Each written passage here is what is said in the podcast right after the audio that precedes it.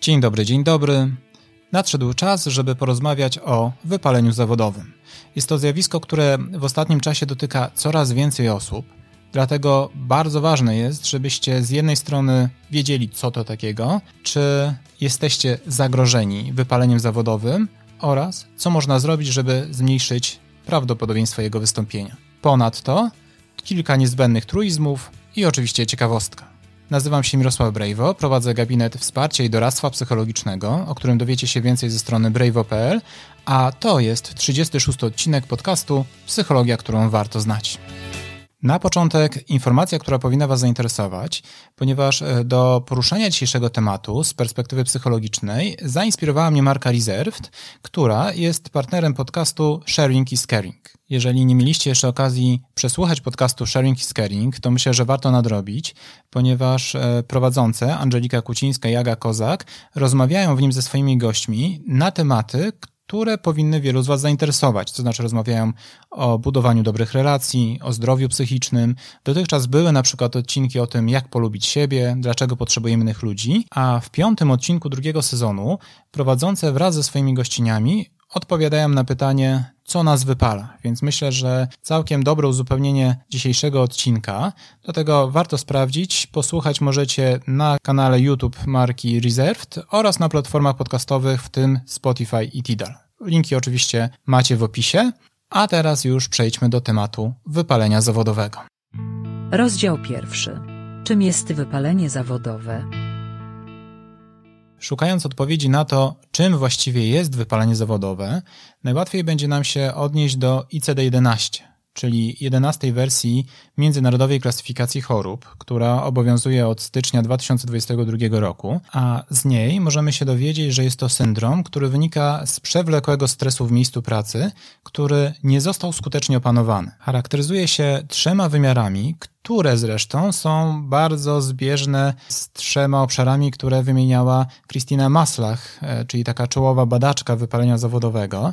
I tak, po pierwsze, mamy tutaj do czynienia z emocjonalnym wyczerpaniem czyli z tym, że czujemy się pozbawieni energii, mamy mało chęci do działania. Drugim punktem jest to, co Maslach nazywa depersonalizacją, a w ICD-11 mówimy o takim zwiększonym dystansie psychicznym do wykonywanej pracy, tym, że jesteśmy negatywnie nastawieni do swoich obowiązków. E, można byłoby to poszerzyć również o takie zdystansowanie się również do e, ludzi, czyli na przykład do współpracowników, do klientów. Bardzo często pojawia się tutaj też takie słowo cynizm, czyli podważanie norm przyjętych w danym otoczeniu, łamanie pewnych zasad, a trzeci obszar to obniżenie własnych dokonań, czyli poczucie braku skuteczności, tego, że z jednej strony mamy wrażenie, że nie jesteśmy wystarczająco kompetentni do tego, co robimy, ale też, że nie odnosimy wystarczających sukcesów. I to jest dobry moment, żeby tak trochę sprostować pewne informacje, które często pojawiają się w mediach, a mianowicie Wypalenie zawodowe według ICD-11 nie jest chorobą, tak jak mogłoby się wydawać. No i wydaje się to intuicyjne, że jeżeli coś jest w klasyfikacji chorób, no to pewnie jest chorobą. Wypalenie zawodowe też nie jest tak naprawdę wielką nowością, jeżeli chodzi o ICD-11, ponieważ już wcześniej była mowa o wypaleniu. Jednak wtedy e, było to szersze spojrzenie, natomiast teraz pojawia się ono w kontekście stricte zawodowym, czyli te wszystkie aspekty odnoszą się do sytuacji związanych z pracą i to jest bardzo ważne, ponieważ w ICD-11 pojawia się w takiej części, która nazywa się czynniki wpływające na stan zdrowia, dokładniej w części problemy związane z zatrudnieniem i bezrobociem. Czyli mamy tutaj do czynienia ze zjawiskiem, które ma duży wpływ na nasz stan zdrowia, ale nie możemy go nazwać chorobą. To jest też dobre miejsce, żeby dodać, że na przestrzeni lat definicja wypalenia zawodowego trochę się zmieniała i tak poszerzała swoje kręgi, ponieważ e, pierwotnie zakładano, że jest to zjawisko, które dotyczy przede wszystkim ludzi związanych z pracą taką pomocową, to znaczy lekarzy, pielęgniarki, nauczyciele. Obecnie do tego zjawiska podchodzi się szerzej. Uważa się, że wypalenie zawodowe może dotknąć osoby zajmujące się bardzo różnymi branżami, no ale przede wszystkim ryzyko istnieje wśród tych osób, które jednak pracują bardzo dużo z ludźmi I tu może czas na ciekawostkę. Ciekawostka. Pojęcie wypalenia zawodowego, a dokładniej wypalenia się personelu, jako pierwszy w swojej pracy użył Herbert Freudenberger w 1974 roku, a zainspirowała go do tego praca wolontariusza w bezpłatnej klinice odwykowej. Wow, ale ciekawostka.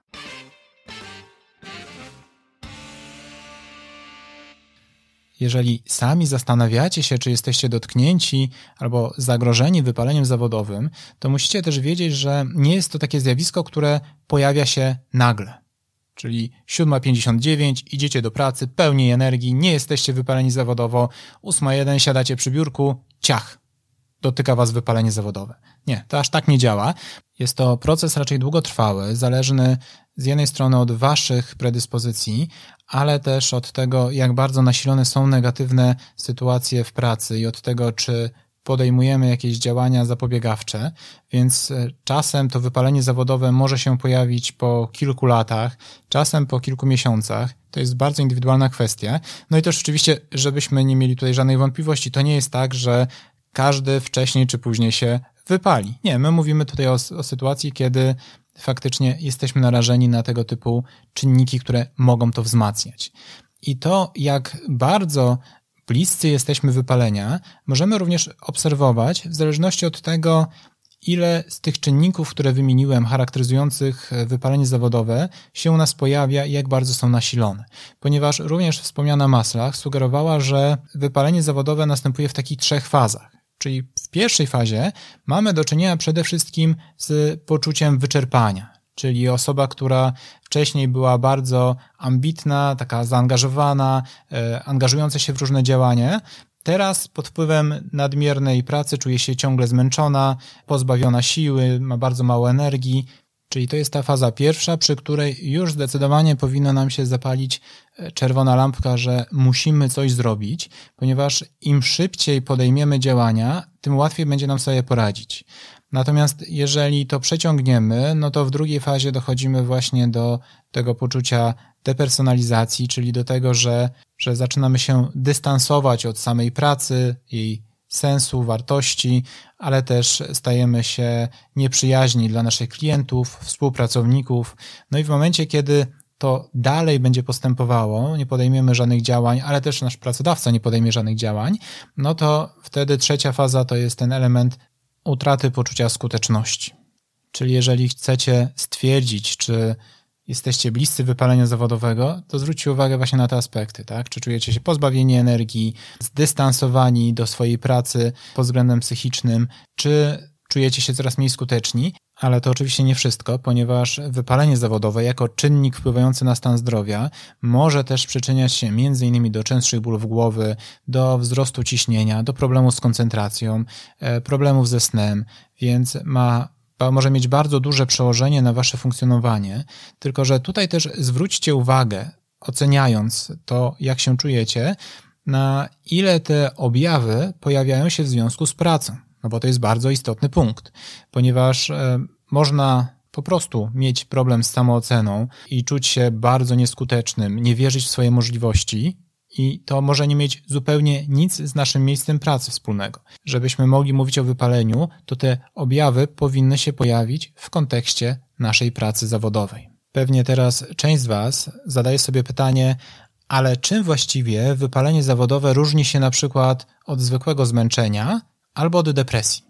I to jest świetne pytanie. Postarajmy się na nie odpowiedzieć. Otóż, jeżeli chodzi o kwestię po prostu zmęczenia, to w momencie, kiedy dajecie sobie przestrzeń na odpoczynek, czyli macie jakiś wolny dzień, wolny weekend, to powinno Wam to umożliwić zauważalną i dość szybką regenerację. Natomiast w przypadku wypalenia zawodowego, niestety nie da Wam to aż tak szybkiego efektu. To znaczy, może być tak, że będziecie mieli nawet tydzień wolnego, ale i tak cały czas będziecie czuli się wymęczeni i niechętni do pracy, bo niestety wypalenie zawodowe wymaga trochę więcej czasu do tego, żeby wrócić e, do pełni sił.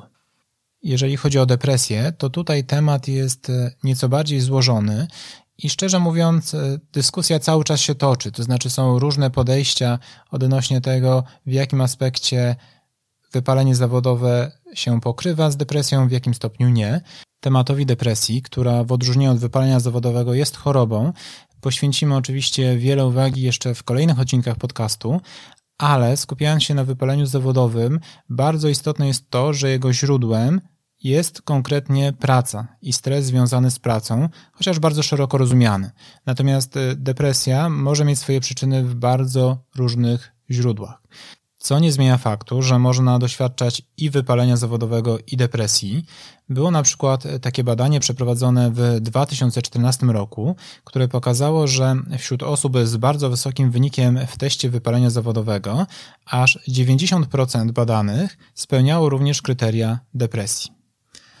Mówiliśmy o tym, że wypalenie zawodowe to efekt źle zarządzanego stresu, ale to oczywiście nie oznacza, że każdy stres równa się wypaleniu zawodowemu.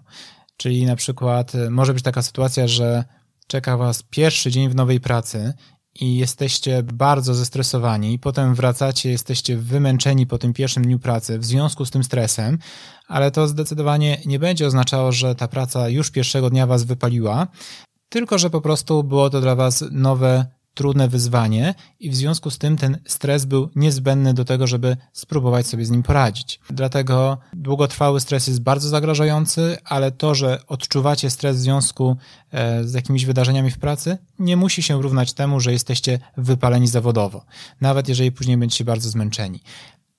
Skoro już rozmawiamy o błędnych diagnozach, to jeszcze musimy wspomnieć o jednej bardzo ważnej, a mianowicie o lenistwie bo niestety bywa tak, że osoby, które do, doznają symptomów wypalenia zawodowego, zaczynają mieć wyrzuty sumienia, że nie potrafią być tak e, skuteczne, efektywne, że nic im się nie chce, a przecież kiedyś potrafiły dawać siebie więcej. E, no i zaczynają postrzegać siebie jako leniwe osoby, i w związku z tym zwykle nie starają się skuteczniej regenerować, tylko bardziej przycisnąć, czyli po, popracować jeszcze więcej, e, włożyć jeszcze więcej wysiłku w pracę i niestety w przypadku wypalenia zawodowego oczywiście daje to odwrotny skutek, to znaczy powoduje, że te objawy i ta, ten spadek energii będzie się jeszcze nasilał. To ustalmy może jeszcze, co właściwie zwiększa prawdopodobieństwo wypalenia zawodowego. Możemy tutaj mówić o z jednej strony czynnikach związanych z wykonywaną pracą, a z drugiej z naszymi indywidualnymi predyspozycjami. Odnośnie tego, co leży po stronie pracy, mamy tutaj sześć zjawisk, więc zastanówcie się, czy w swojej pracy mierzycie się z którymś z tych zjawisk, a może z kilkoma naraz, bo one generują prawdopodobieństwo e, wypalenia zawodowego. I tak, pierwsze to nadmierne obciążenie pracą, czyli pracy jest zbyt dużo, jest zbyt ciężka w stosunku do naszych możliwości. Drugi punkt, bardzo, bardzo ważny, to brak kontroli i możliwości współdecydowania, czyli nie mamy zbyt dużego wpływu na to, jakie obowiązki wykonujemy, w jaki sposób będziemy je wykonywać. To bardzo skutecznie potrafi zabić motywację i zwiększyć prawdopodobieństwo wypalenia zawodowego. Kolejny aspekt, chyba niezbyt zaskakujący, to wynagrodzenie. Oczywiście zbyt niskie wynagrodzenie w stosunku do wykonywanej pracy, ale także odpowiedzialności, którą trzeba w związku z tą pracą brać. Czwarty punkt to wspólnotowość, a właściwie jej brak. W momencie, kiedy zaczyna nam brakować wsparcia w naszym zespole, albo mamy przede wszystkim wrażenie, że społeczność zawodowa zaczyna się rozsypywać, czyli te relacje w firmie stają się coraz gorsze, to jest też taki aspekt, który będzie nas szybciej wyczerpywał. Dwa kolejne punkty to brak poczucia sprawiedliwości, czyli mamy wrażenie, że to, co robimy, nie jest e, odpowiednio oceniane, odpowiednio nagradzane, że część osób na przykład jest traktowana lepiej niż my, pomimo że my również na to zasługujemy, czyli to poczucie braku sprawiedliwości. No i ostatni aspekt to konflikt wartości, to znaczy, że mamy poczucie, że praca, którą wykonujemy, że to, czego się od nas oczekuje w związku z tą pracą, jest niezgodne z wartościami, które wyznajemy. To jest sześć czynników związanych z samą pracą, no ale oczywiście na to, jak szybko się wypalimy i czy się wypalimy, mają wpływ też nasze czynniki indywidualne, czyli to, jaką mamy podatność na stres, jak skutecznie potrafimy sobie z nim radzić, czy mamy tendencję do pracoholizmu, który oczywiście ułatwia wypalenie zawodowe, jakie jest nasze poczucie własnej wartości, czy raczej niskie, stabilne, czy niestabilne. No i rzecz nie mniej ważna, na ile potrafimy skutecznie wyrażać swoje potrzeby, swoje oczekiwania, czy potrafimy stawiać granice. To wszystko zwiększa szanse na to, że się wypalimy, a teraz porozmawiajmy o tym, co zrobić, żeby się nie wypalić. Rozdział drugi.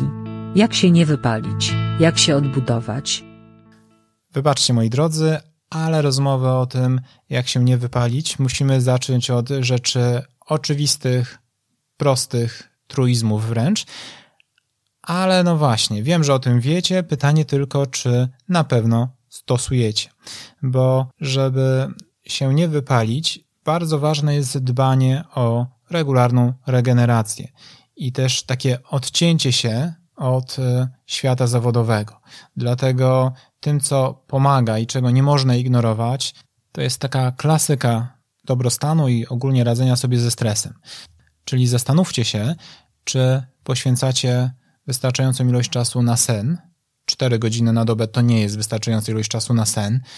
Czy w waszych być może zapełnionych harmonogramach e, udało się wyczarować czas na odpoczynek, być może na jakieś pasje, koniecznie czas na regularną aktywność fizyczną, chociażby spacery. Rozumiem, że trudno jest wygospodarować bardzo dużo czasu, ale na dobry początek, chociaż pół godzinki na spacer, już powinno zrobić różnicę. Podobnie taka szalona idea, jaką jest urlop. Ja wiem, że dla niektórych wyjazdy na urlop, niekoniecznie wyjazdy, po prostu wolny czas od pracy, nawet w domu, są czymś oczywistym. Natomiast dla bardzo wielu osób to jest rzecz nie do pomyślenia. Z jednej strony dotyczy to bardzo często często osób, które prowadzą własną działalność, no i wtedy wiadomo, że zawsze coś się dzieje.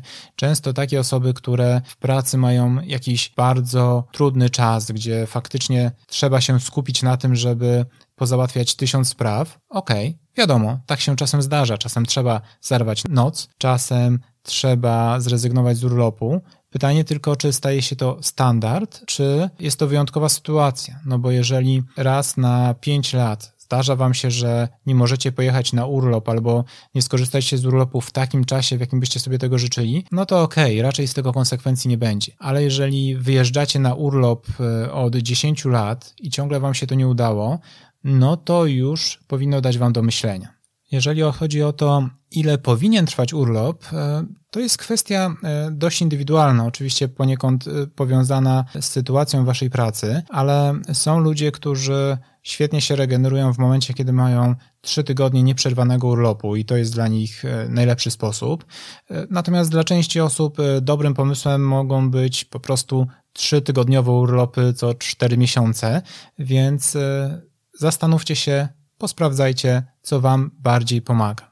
Regularne odpoczywanie i urlop jest szczególnie ważne w kontekście wypalenia zawodowego przez wzgląd na to poczucie bycia leniwym, o którym Wam chwilę wcześniej wspominałem. Czyli ja wiem, że dla wielu osób to się wydaje takie niezgodne z intuicją, ale spróbujcie zrobić sobie eksperyment. Jeżeli macie poczucie, że nie dajecie sobie rady, że jesteście przytłoczeni, że Wasza efektywność bardzo spadła, to wiem, że wiele osób stara się wtedy robić więcej, pracować dłużej, rezygnować z wolnego czasu, żeby wszystko ponadrabiać, ale efekt, który osiągniecie, będzie prawdopodobnie dokładnie odwrotny od tego, którego oczekujecie. No niestety, trzeba się tutaj wykazać odwagą i pozwolić sobie na taki mały eksperyment. Spróbujcie paradoksalnie zmniejszyć ilość godzin pracy i zobaczcie, jak będziecie się z tym czuli. I jak to wpłynie na waszą efektywność, e, bo powinno bardzo dobrze i pewnie jak się zregenerujecie, to bardzo szybko nadrobicie to, czego nie zrobiliście, bo byliście na urlopie. Co jeszcze moglibyśmy zrobić, żeby zmniejszyć prawdopodobieństwo wypalenia zawodowego i lepiej i dłużej utrzymywać nasze, nasz poziom energii? Na pewno warto, szczególnie w momencie, kiedy ta nasza praca jest e, bardzo zmienna i stresująca, zadbać o takie rutynowe elementy które dadzą nam szansę do tego, żeby na chwilę się zatrzymać i trochę zregenerować. A przede wszystkim dadzą nam poczucie chociaż minimalnej kontroli nad e, sytuacją, nad naszą pracą, w momencie, kiedy e, wiele rzeczy jest zmiennych i niezależnych od nas. Czyli do takich elementów mogłoby chociażby należeć to, jak kończymy dzień, żeby dzień pracy zakończyć z jakimś porządkiem i wstępnym planem pracy na kolejny dzień. To, jak rozpoczynamy, czy mamy zaplanowany regularny czas na to, żeby coś zjeść w pracy, bo ja wiem oczywiście, że czasem jest to trudne, że czasem obowiązków są tysiące i trudno jest wygospodarować czas na to, żeby coś przekąsić, ale to jest bardzo ważne. Czasem staje się to nasz nawyk, to znaczy bywa tak, że e, pracy może być trochę mniej, ale jesteśmy tak bardzo odzwyczajeni od jedzenia w pracy, że tego nie robimy. Dla naszego funkcjonowania to jest ważne, żeby gdzieś tam regularnie e, się regenerować i dodawać sobie tej energii chociażby przez posiłki. Podobnie czas na przerwy. Pewnie nie każdy może sobie pozwolić na to, żeby w trakcie pracy zrobić sobie półgodzinny spacer, ale 2-3 minuty na to, żeby skupić się na swoim oddechu, już mogłyby zrobić różnicę, a raczej powinno udać się taki czas wygospodarować. Dlatego przemyślcie sobie, jakie takie małe zwyczaje, swoje tradycje moglibyście stworzyć w pracy. Zresztą jestem pewien, że niektórzy z Was e, takie tradycje mają i czasem taka tradycja to na przykład to, że robi się z kimś, z jakimiś współpracownikami przerwę na kawę. I to może być bardzo dobry pomysł na to, żeby się zregenerować, pod warunkiem oczywiście, że w trakcie tej przerwy nie rozmawiacie o sprawach zawodowych, nie marudzicie na miejsce pracy, tylko skupiacie się na czymś e, przyjemniejszym, ewentualnie dajecie sobie nawzajem e, jakieś wsparcie.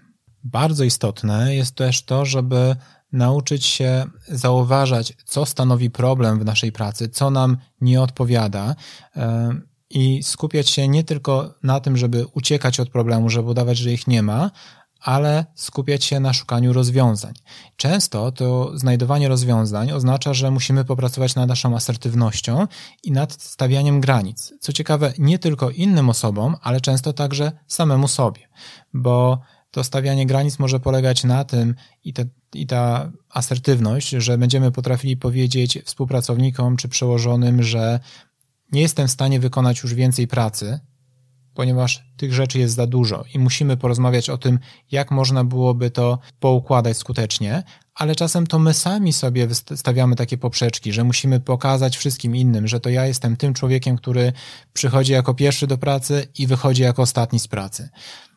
I wówczas to my sami sobie powinniśmy postawić granice i ustalić na przykład maksymalną godzinę pracy, tak żeby znajdować też każdego dnia czas na, na odpoczynek. Ja wiem, mam świadomość, że część z Was może powiedzieć: Człowieku, tworzysz tu jakieś idealistyczne wizje, w prawdziwej pracy tak się nie da.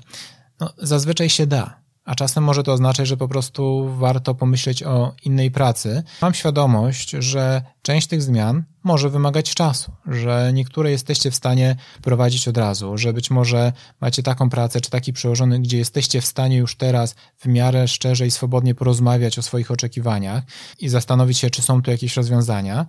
Czasem jest to trudne albo niemożliwe, no a jednocześnie musicie gdzieś pracować e, prawdopodobnie, więc e, wtedy wprowadzenie takich zmian może zająć trochę czasu, czasem nawet kilka miesięcy, ale warto jest e, zauważyć, że problem istnieje, że czujecie się przytłoczeni, bo to jest taka baza. Jeżeli będziecie udawać, że wszystko jest ok, to będziecie nadal się wypalać, nadal przesuwać te swoje granice w kierunku, który wam nie odpowiada, a później się okaże, że, że ta wasza regeneracja której będziecie potrzebowali, będzie wymagała wiele więcej czasu niż w tym momencie, kiedy jesteście w stanie wprowadzić jeszcze jakieś zmiany. Dlatego praca nad skutecznym stawianiem granic i, i ustalaniem tego, co jest dla nas ważne i wyrażaniem tego względem innych i siebie jest bardzo, bardzo ważna. Nie mniej istotne jest y, również dbanie o swoje poczucie skuteczności, bo tak jak mówiliśmy, tą trzecią fazą wypalenia zawodowego jest to, że czujemy się nieskuteczni, że nie jesteśmy kompetentni, dlatego warto jest y, doceniać swoje wysiłki, zauważać swoje chociażby najmniejsze sukcesy i być świadomym tego, co udało nam się zrobić, y, zauważać swoje zasoby, ale także poświęcać regularny czas na E, na rozwój, czy to przy okazji jakichś e, szkoleń, czy, czy chociażby czytając e, cokolwiek, co spowoduje, że mamy poczucie, że cały czas się chociaż w minimalnym stopniu rozwijamy, że to nie jest tak, że utknęliśmy w jakimś miejscu i do końca życia już nic się nie zmieni, tylko zdobywamy nowe informacje i umiejętności. Mam oczywiście świadomość tego, że mogą się u Was pojawiać pewne obawy, że jeżeli zaczniecie tak nadmiernie dbać o siebie, to dojdzie do tego, że wszyscy wokół wyprzedzą was w karierze, no bo będą pracować po 18 godzin na dobę, a wy raptem 8 czy 10, albo zgrozo 6. I niewykluczone, że takie ryzyko pewnie istnieje. Natomiast chodzi też o to, żeby spojrzeć na waszą karierę i na wasze plany jednak bardziej długodystansowo. To znaczy, waszym celem jest to, że, tak podejrzewam, e, żeby nie tylko osiągnąć pewne rzeczy, żeby rozwijać się w jakiejś pracy, ale też to, żeby później, jak już osiągniecie jakiś pułap, móc się z tego cieszyć i tworzyć e, fajne życie, z którego jesteście zadowoleni, szczęśliwi. A to wymaga dbania o siebie. I niestety nie brakuje oczywiście przypadków osób, które owszem, bardzo ciężko pracowały i obiektywnie osiągnęły sukces, na przykład finansowy czy zawodowy, ale niestety aktualnie ich stan zdrowia jest taki, że trudno im się z tego cieszyć. Dlatego ważne jest to, żeby pomyśleć nad tym, jakie macie wartości, co jest ważne i pozwolić sobie na eksperyment. To znaczy sprawdźcie, jak będziecie się czuli, dodając te elementy, które spowodują, że będziecie dbali o siebie.